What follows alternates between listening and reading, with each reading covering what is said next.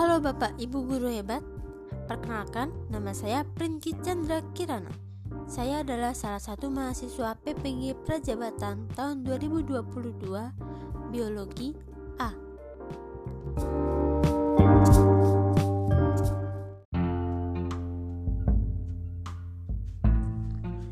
Saat ini, saya akan merefleksikan tentang pemikiran-pemikiran Ki Hajar Dewantara.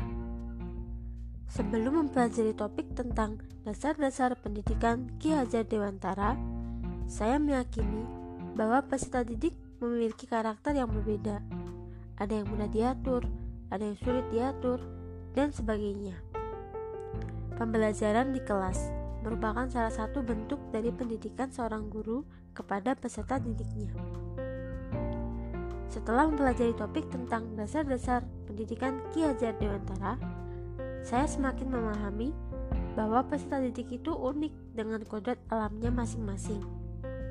Sebagai seorang pendidik, saya perlu mempertimbangkan kodrat alam peserta didik saya supaya dapat berkembang sesuai kodrat zaman yang berlaku.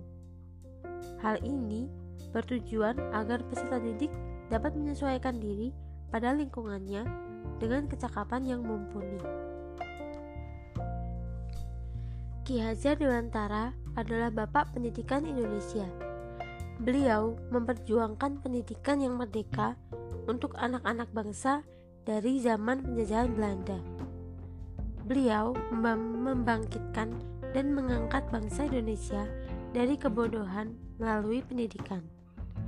Pemikiran Ki Hajar Dewantara tentang pendidikan tak pernah tergerus oleh zaman. Cita-cita luhur Ki Hajar Dewantara adalah menciptakan manusia-manusia yang beradab. Hal ini sangat dibutuhkan untuk pendidikan saat ini yang mulai kehilangan karakter baik dari para peserta didik ataupun dari pendidik itu sendiri.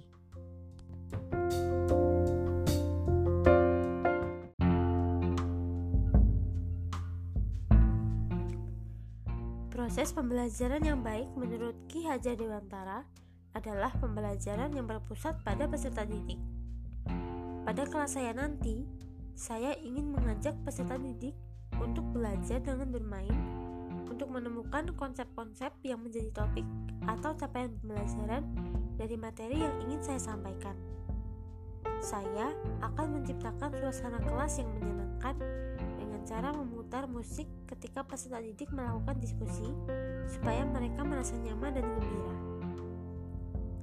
Karya Ki Hajar Dewantara kini menjadi panutan, arahan, serta dasar dalam mengembangkan kurikulum baru yang berpihak pada peserta didik atau sering disebut dengan kurikulum merdeka. Saatnya pendidik generasi baru yang berjuang untuk ibu pertiwi dalam menjadi teladan yang baik untuk anak-anak bangsa. Peran pendidik bertambah, tidak hanya mengajar, tetapi juga menjadi motivator, fasilitator, dan inspirator yang mendorong dan mengantar anak-anak bangsa menuju gerbang kesuksesan. Tugas pendidik saat ini adalah menciptakan generasi bangsa yang beradab dengan karakter profil pelajar Pancasila yang penuh dengan nilai-nilai kemanusiaan.